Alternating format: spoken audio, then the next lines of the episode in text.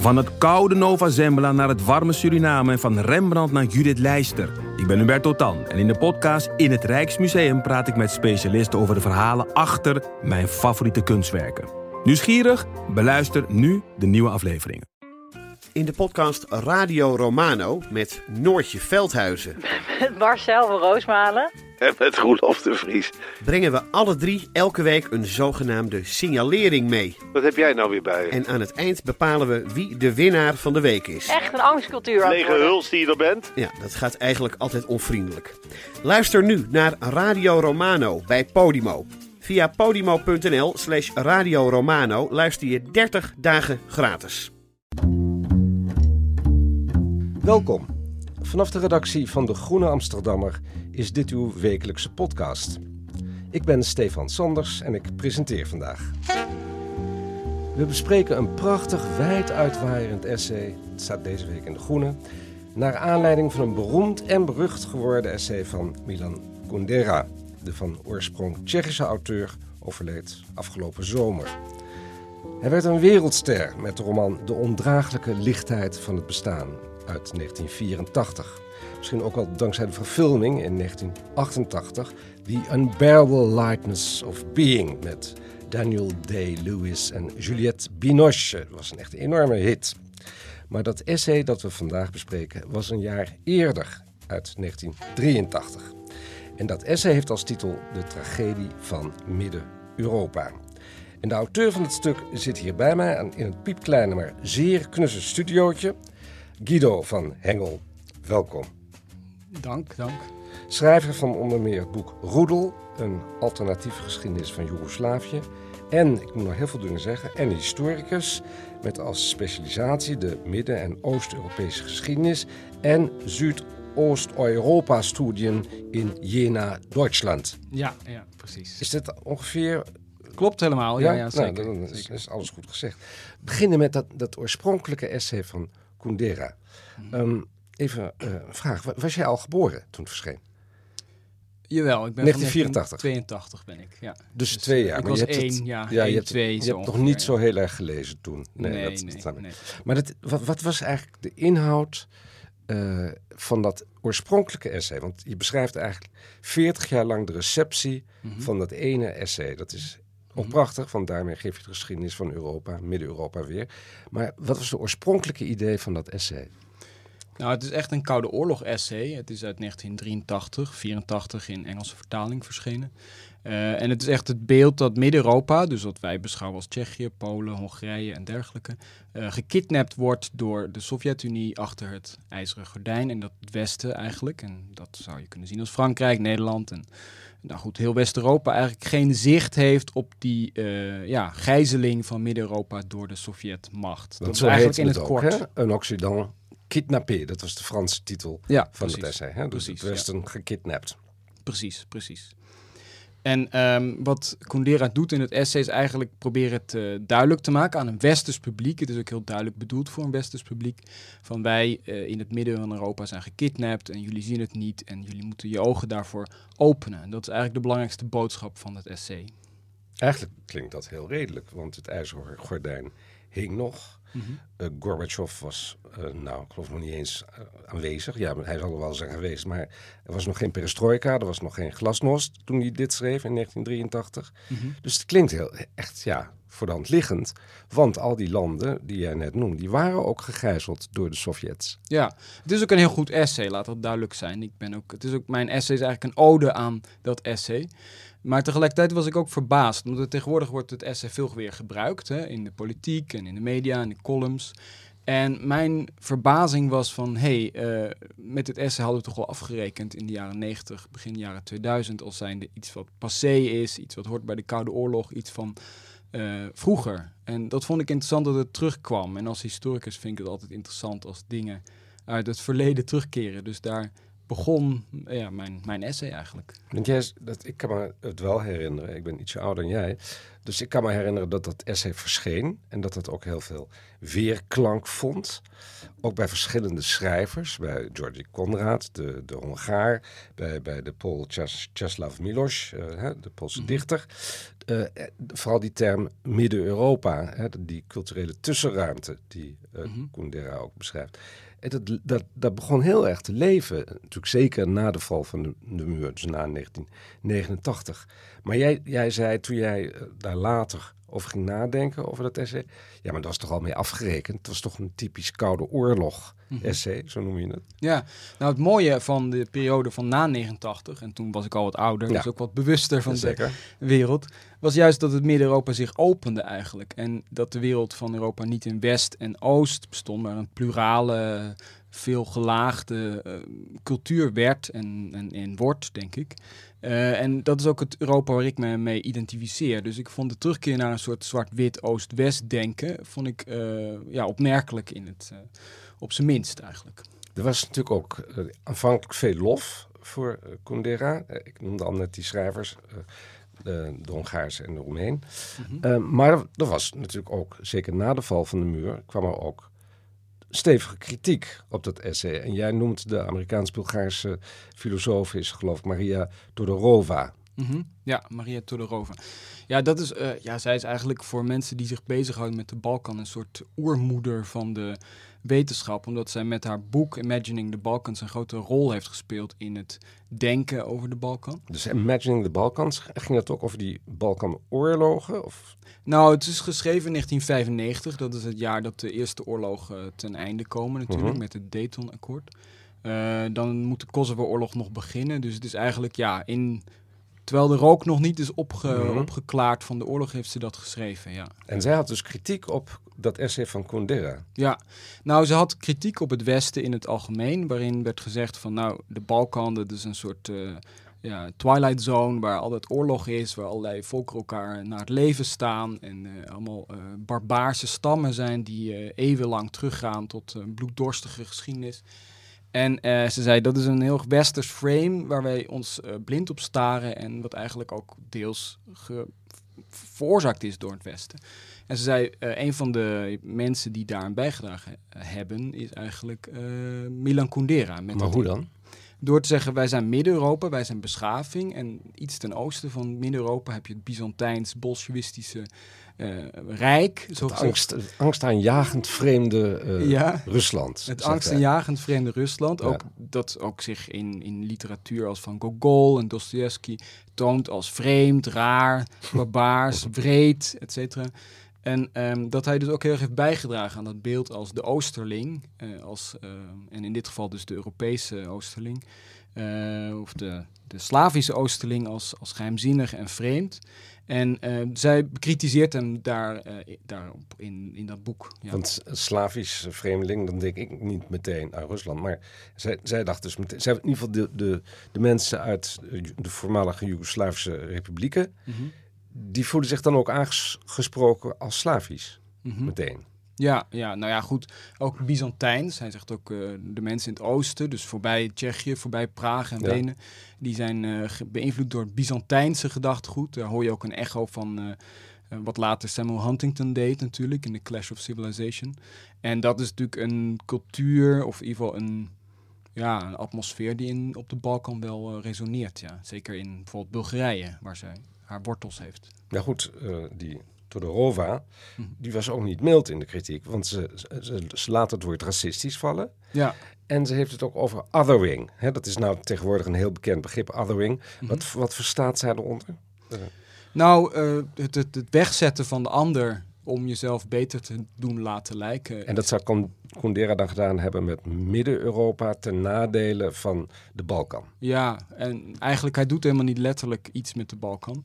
Dus dat is ook haar invulling van de situatie. Maar vooral de rest van Oost-Europa of iets ten oosten van wat hij als Midden-Europa ziet. Of eigenlijk ehm, het Habsburgse Rijk. Dat is een beetje wat doorklinkt in het hele verhaal van Milan Kundera. Het grote Midden-Europese Rijk van de Oostenrijk-Hongaarse dubbelmonarchie. En daar grijpt hij eigenlijk op terug als, Ja. als hij zegt... Wij, eh, we hebben een spirituele ruimte die we delen... en die delen we met Europa, West-Europa... En niet met het Oosten. Ja, precies. Ja, zo. Precies, ja.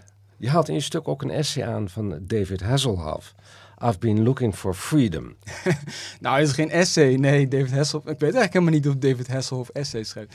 Weet je dat? Ik, ik, ik, heb, ik heb het dus nou nagezocht. Want ik las het en ik denk, David Hasselhoff, goh, is me even ontschoten. Dat is interessant, een, een leuke filosoof, Amerikaan. I've been looking for freedom. Zal een leuk essay zijn. het Ja. is geen essay. Nee, nee, hij staat op de muur in een soort pak met eh, glitters. En er wordt ook nog een vuurpijl op hem afgeschoten. Zal ik, het, Dus- zal ik het laten horen, het liedje? Ja, Het is een liedje namelijk, het is een popsong. I've been looking for freedom. I've been looking so long.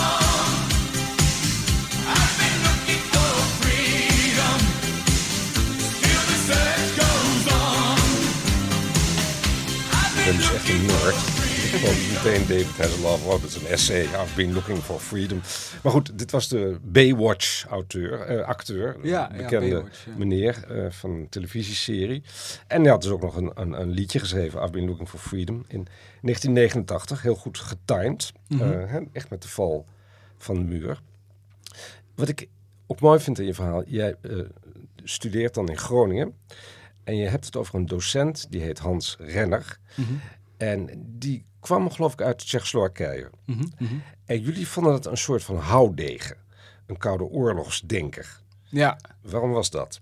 ja, ik ben er ook veel over gaan nadenken onlangs. Want ik kan me herinneren dat hij van ja, het Koude Oorlog denken nog was. Ik weet niet of hij het met me eens is hoor. Ik ben Mhm. benieuwd wat hij ervan vindt. Maar ehm, links en Russisch was voor hem eh grotendeels synoniem aan communistisch en Sovjet. En eh, hij was heel kritisch op alles ten oosten ook van eh Tsjechoslowakije of van Midden-Europa. En ehm, de manier waarop hij zich uitte over Russen, over Belarussen, et cetera, vonden wij toen in begin jaren 2000 een beetje aanmatigend en ook wel ehm, ja, behoorlijk essentialistisch. Alsof de Russen een diepe, eeuwenoude eh, ja, probleem in zich dragen en dat, eh, dat, dat, alsof daar geen verandering mogelijk is. Een beetje, nou, we hebben net I've Been Looking for Freedom geluisterd. Dat is natuurlijk van eind jaren 80, begin jaren 90. Maar ik, ik zie dat die periode van begin van de eeuw, begin van het millennium eigenlijk, ook als een tijd waarin er heel veel mogelijkheden en ruimte was voor groei en bloei van, van het Europese idee. En daar paste dat soort eh, gedachten eigenlijk niet in. Nee, dat, dat snap ik. ik. Ik kan me die tijd ook nog goed herinneren. Ehm, ik, dat had, was ook een heel erg eh, vies woord voor. Je mocht niet aan vijand denken doen. Hè? Vijand denken was heel Ja. slecht. Dat was van de Koude Oorlog en er was nergens meer voor nodig. Mhm. Eh, eerlijk gezegd eh, was het in de jaren tachtig, dus vanaf dat moment dat Kundera dat essay schreef, het zou nog echt vijf, zes jaar duren voordat dat een beetje opscheurde. En bij, in Rusland natuurlijk nog veel langer, of de Sovjet-Unie. Ehm, ja, dat vijanddenken, ik dacht altijd, ik vond dat ook toen hoor, was hoogst noodzakelijk. Mhm. Ja, ja. Ik ben het dus heel erg eens met die oude docent van jou, Hans Renner. Ja, ja, ik eigenlijk inmiddels ook. Eh, maar ik heb ook bij het schrijven van het essay nagedacht van ook een soort zelfonderzoek eigenlijk. Hè? Dus het feit dat zo'n essay van ik dacht dat we dat al hadden afgeschreven weer uit de mottenbal is gehaald en terug in de etalage is gezet. Dat is mij, heeft mij ook doen nadenken over de, ja, de opvoeding, de Europese opvoeding die ik heb gekregen. Dus daarin bekritiseer ik mezelf ook eigenlijk. En achteraf heeft meneer Renner misschien wel gelijk gehad. En wij wijsneuzige studentjes hadden het eh, bij het verkeerde eind. Nou ja, het, het, het is altijd. de Geschiedenis wordt iedere dag weer opnieuw geschreven. Hè? Dus er is niks definitiefs. Maar ik herinner me ook heel goed die tijd na 89. Er was een soort vrijheid. Je, het was een soort, nou jij hebt het over een speelveld van discours aan betekenissen. Hè? Dat, dat was ook een heel deconstructivistische tijd, hè? om het maar allemaal zo in die prachtige termen te gooien. Daar is eh Todorova ook echt een exponent van, hè? Van, die, van die hele stroming. Dus niks stond eigenlijk vast en, en alles was, was mogelijk. Ehm, en ik, ik zie ook wel de, de, de leuke kanten daarvan. Mhm.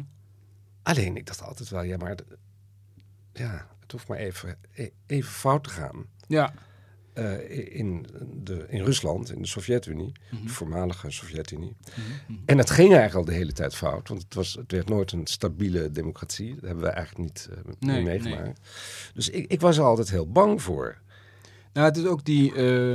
mm, ehm, Timothy Snyder heeft er ook een boek over geschreven, The Road to Unfreedom. Dat en is die- de, de Engelsman, hè? De, Ja. de Britse. grote Midden-Europa-kenner Ja, eigenlijk. Die ook zegt van ja, je hebt de politiek van, eh, van eeuwigheid, wat, wat hij dan identificeert met Rusland, en de politiek van onvermijdelijkheid. Een soort lineaire droom van alles gaat steeds beter en alles komt goed en alles, we gaan van dictatuur naar democratie en van, van ellende naar, naar eh, welvaart. En ja, dat is een soort leugen waar... ehm, waar die generatie waar ik toe behoor eigenlijk, dus, dus niet de mensen die in eh, dus die, de jaren 90, begin 2000 eh, generatie, die, ja, die daarin helemaal is opgevoed en opgegroeid. Tenminste, niet iedereen natuurlijk, maar binnen mensen die zich ermee bezig hielden. Ja, je, je, je, hebt Een soort de- blindheid, voor, blindheid Ja. voor het gevaar. Ja. Ja, maar goed, eh, ook een leuke generatie, hoopvolle, optimistische generatie.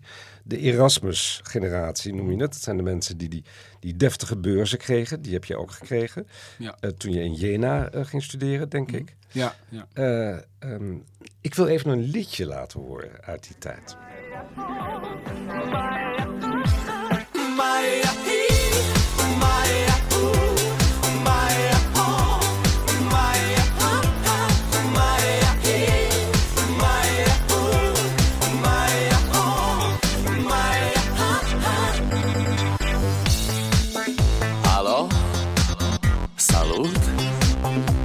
Eu, un haiduc Și te rog Wat was dit? Wat hebben we nou gehoord? Dit is Ozone, een Moldavische boyband. Ja. Zij hadden een zomerhit in 2004 met eh Dragostin Dintea, volgens mij, als ik het goed uitspreek. Ik kan geen Moldavisch.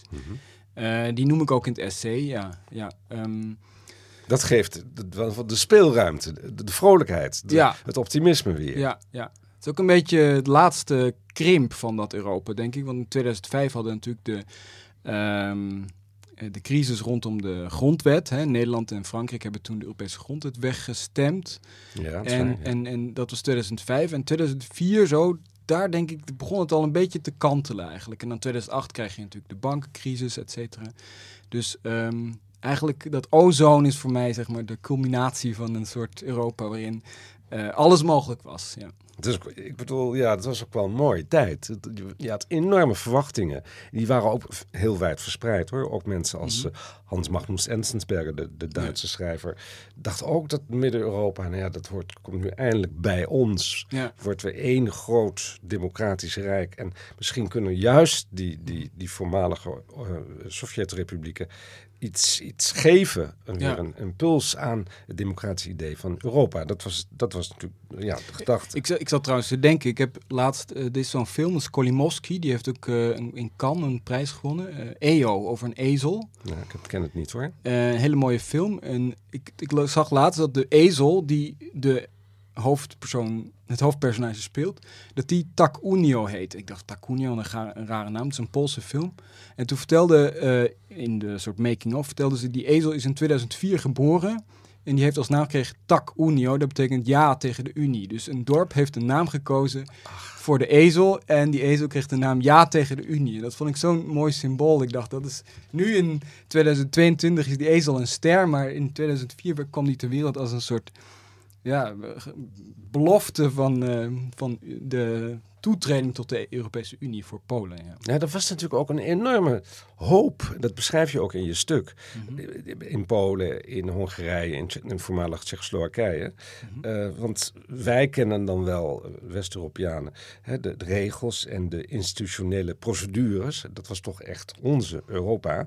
Maar daar, dat schrijf, beschrijf je, was het bijna, Europa was zo'n spontaan gevoel, bijna een mystieke extase. ja. Nou, dat heb ik ook eh, geciteerd uit een essay van een eh, Oekraïner die daar ook over geschreven heeft. En die die tweedeling heel duidelijk uitwerkt in zijn essay. Ehm, dus ja, dat is ook denk ik de gefnuikte verwachtingen die, eh, die uiteindelijk bijvoorbeeld in Hongarije hebben geleid tot een anti-EU-stemming. Of in ieder geval een, ja, opgekomen nationalisme in Polen en dergelijke. Maar dat is, dat is denk ik ook wel een ehm, verschil. En er wordt ook wel eens gezegd van Europa van de ervaring en Europa van de kennis of Europa van de verbeelding. Maar de ervaring ligt vooral in Midden-Europa. Dus ook de bijna een soort eh, ja, existentiële eh, verlangens of existentiële ervaringen over wat Europa is en moet zijn en zou kunnen zijn. Nog even terug naar die Erasmus-generatie. Je noemt hem Mhm. zelf. Hè? Ja. Mensen die, die die goede, leuke buitenlandse beurzen kregen. Aan een leben, lebenslüge. Ja, Wie, wie zei dat ook weer over die Eh Erasmus-generatie? Eilenberger, dat is een Wolfgang Eil- Eilenberger, dat is een Duits, ja, een beetje een eh, populaire filosoof. Ja, Ja, populair. Want populair. een lebenslüge, dus Ja. een levensleugen. De, Ja, de Duits is, klinkt het altijd mooier. ja Dat zeker. betekende dat jullie dus, jullie Erasmus-studenten, eigenlijk gewoon in de wolken zaten. Niet met, met, met Mhm. je poten in de, in, de, in de modder in de werkelijkheid stonden.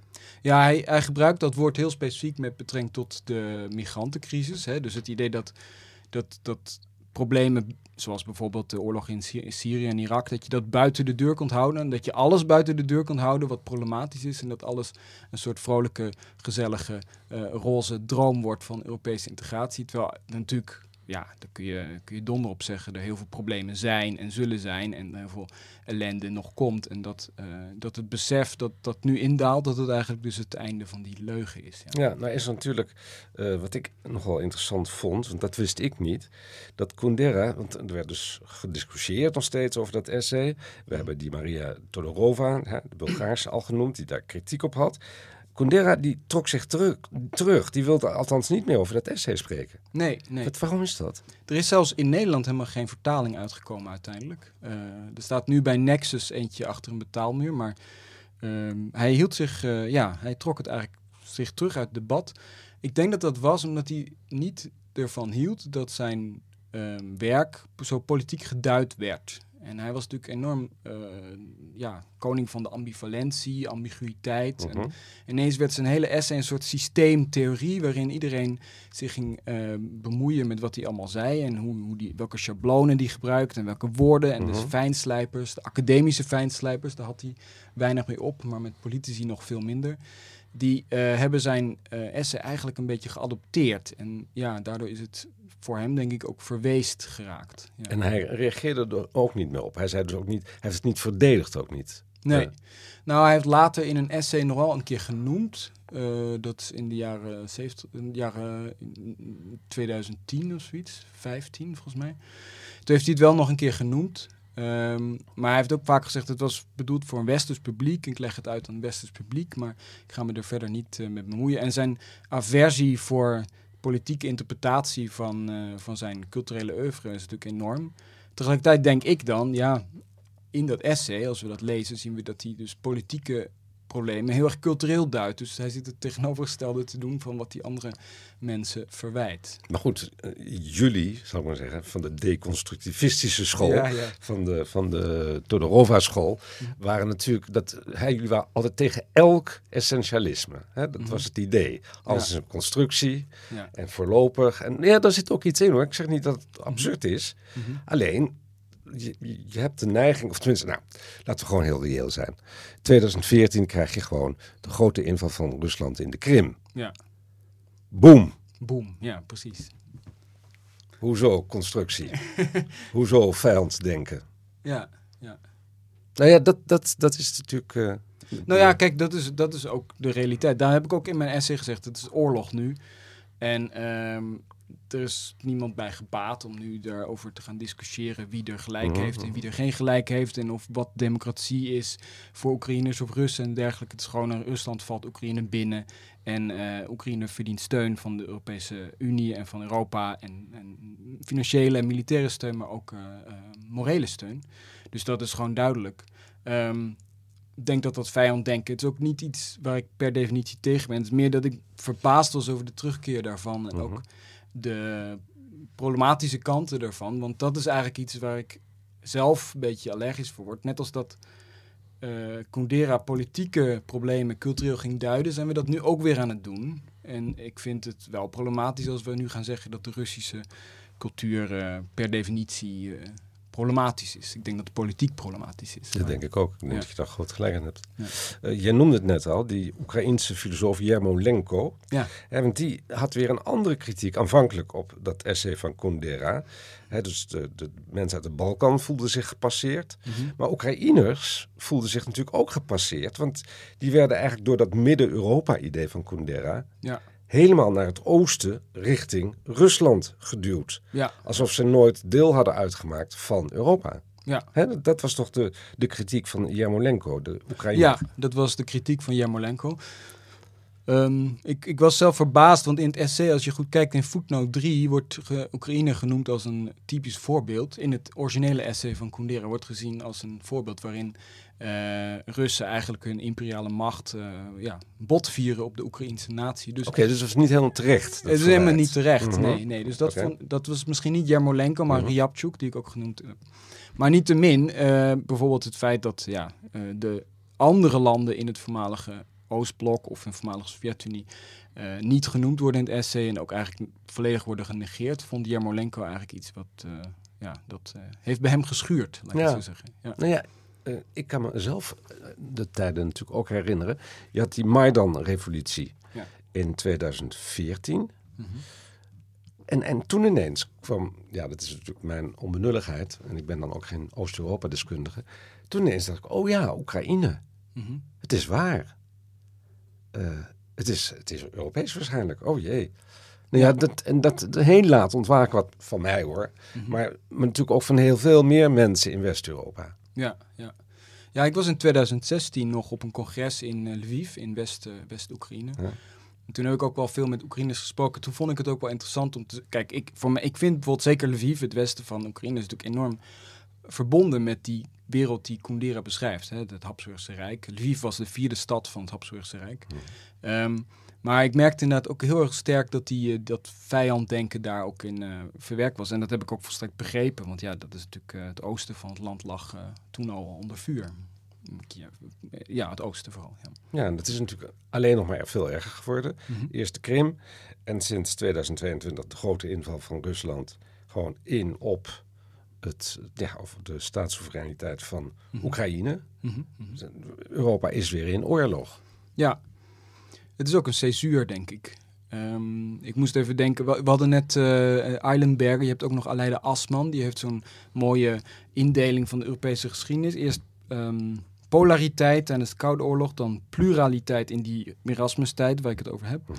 En dan eh, antagonisme, dat zijn allemaal van die dure Duitse woorden. Mhm. Maar toen dacht ik, dat boek wat ze geschreven heeft is vanuit 2018, maar ik denk dat we nu weer in die tijd van polariteit zitten. Dus in twee, twee kampen eigenlijk, eh, Westen en Oosten. Dus eigenlijk is het gek dat Midden-Europa ehm, eh, nu ja, in de geopolitieke situatie Westen is eigenlijk.